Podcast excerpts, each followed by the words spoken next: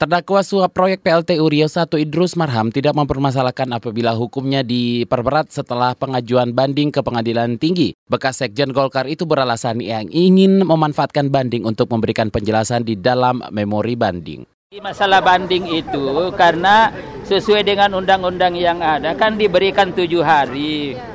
Lalu kemudian ya saya pikir ya karena tanggal 29 KPK sudah banding, ya udah tanggal 30 juga sudah banding. Kenapa? Supaya ada kesempatan bagi saya juga untuk memberikan penjelasan di dalam memori.